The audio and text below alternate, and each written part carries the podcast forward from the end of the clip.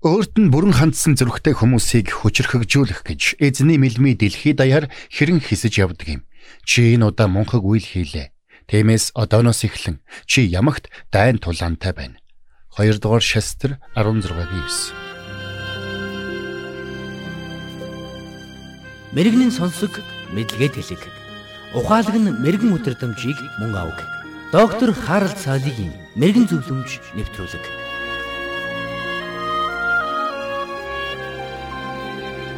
Та өөрийгөө Люксембургийн хаан байна гэдээ төсөөлөд үзээрэй. Танай бяцхан хаан тулс руу Герман халдан довтлох гэж байгааг та мэдэжээ гэж бодъё. Тэр тохиолдолд та Франц, Их Британи, Швейцартай харилцан довтлохгүй байх гэрээ байгуулчихад үүндээ сэтгэл хангалуун суух байсан нь.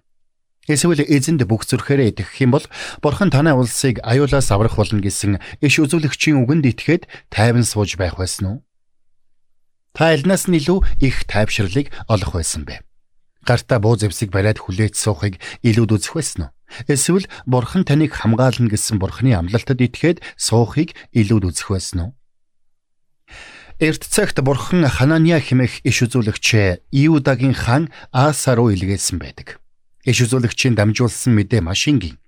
Та улс орныхоо аюулгүй байдлын төлөө бурханд итгэж найдахын оронд юунд Арамын хаантай харилцсан халдан довтлохгүй байх гэрээ байгуулна вэ гэж тэр асуугаад үргэлжлүүлэн Өөрт нь бүрэн хандсан зөрөгтэй хүмүүсийг хүчрхэгжүүлэх гэж эзний мэлмий дэлхий даяар хэрэн хийсэж явдаг юм.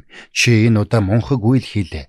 Тиймээс одооноос эхлэн чи ямагт дайн тулаантай байна. 2 дугаар шестер 16-гийн 9. Химэн дамжуулсан байдаг. Тэгвэл би танаас асууя. Та хизээ нэгэн цагт үүнтэй адил төстэй байдалд орж байсан уу? Та зэр зэвсэгт итгэж найдахын оронд бурханд итгэж найдвал таны амьдралд юу тохиолдох вэ гэж бодож байсан уу? Эргэн тойрны хүмүүстэйгээ харилцсан довтлохгүй байх гэрээ байгуулчихсан бол болох биш шүү гэж та бодож байж болох юм. Тэгвэл иш үзүүлэгч Хананиагийн үгийг би танд дахин сануулъя. Нэг бол бурханд итгэх, эсвэл хүнд итгэхэд үр дүнд нь дайны хөлд нэрвэгдэх. Өнөөдөр бид ч бас Ааса хааны нэгэн адил ийм сонголтын өмнө ирдэг.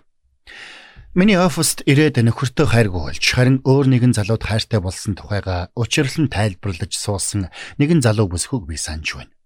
Тэр бүсгүй өөр нэгэн залууд хайртай болсныгоо гэр бүлээ орхиж явах хангалттай шалтгаан мөн гэж бодож байлаа.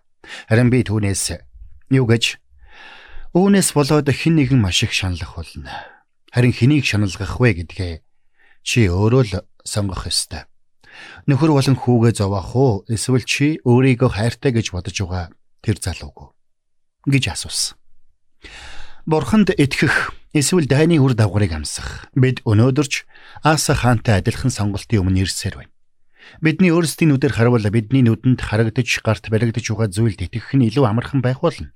Тэгвэл би танаас асууя. Та ямар ч үед Бурханд итгэж чадах уу? Хэрвээ та бурхны хүүхэд бол бурхны амлалтуудад итгэж чаддаг байх учиртай. Учир нь бурхан амлалтаа биелүүлэхгүй байж чадахгүй.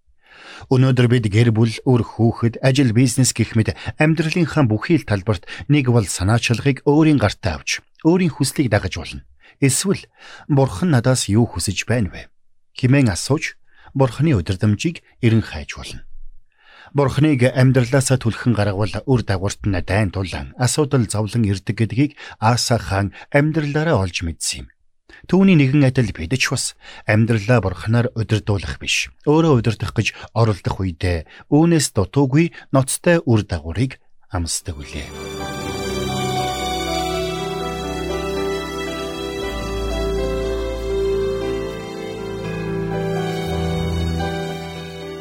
Мэргэн нэгнийг дагуул мэргэн, мулгуутай нөхөрлөл хорлол. Доктор Харалт цайлигийн мэрэгэн зөвлөмж нэвтрүүлэг танд хүрэлээ.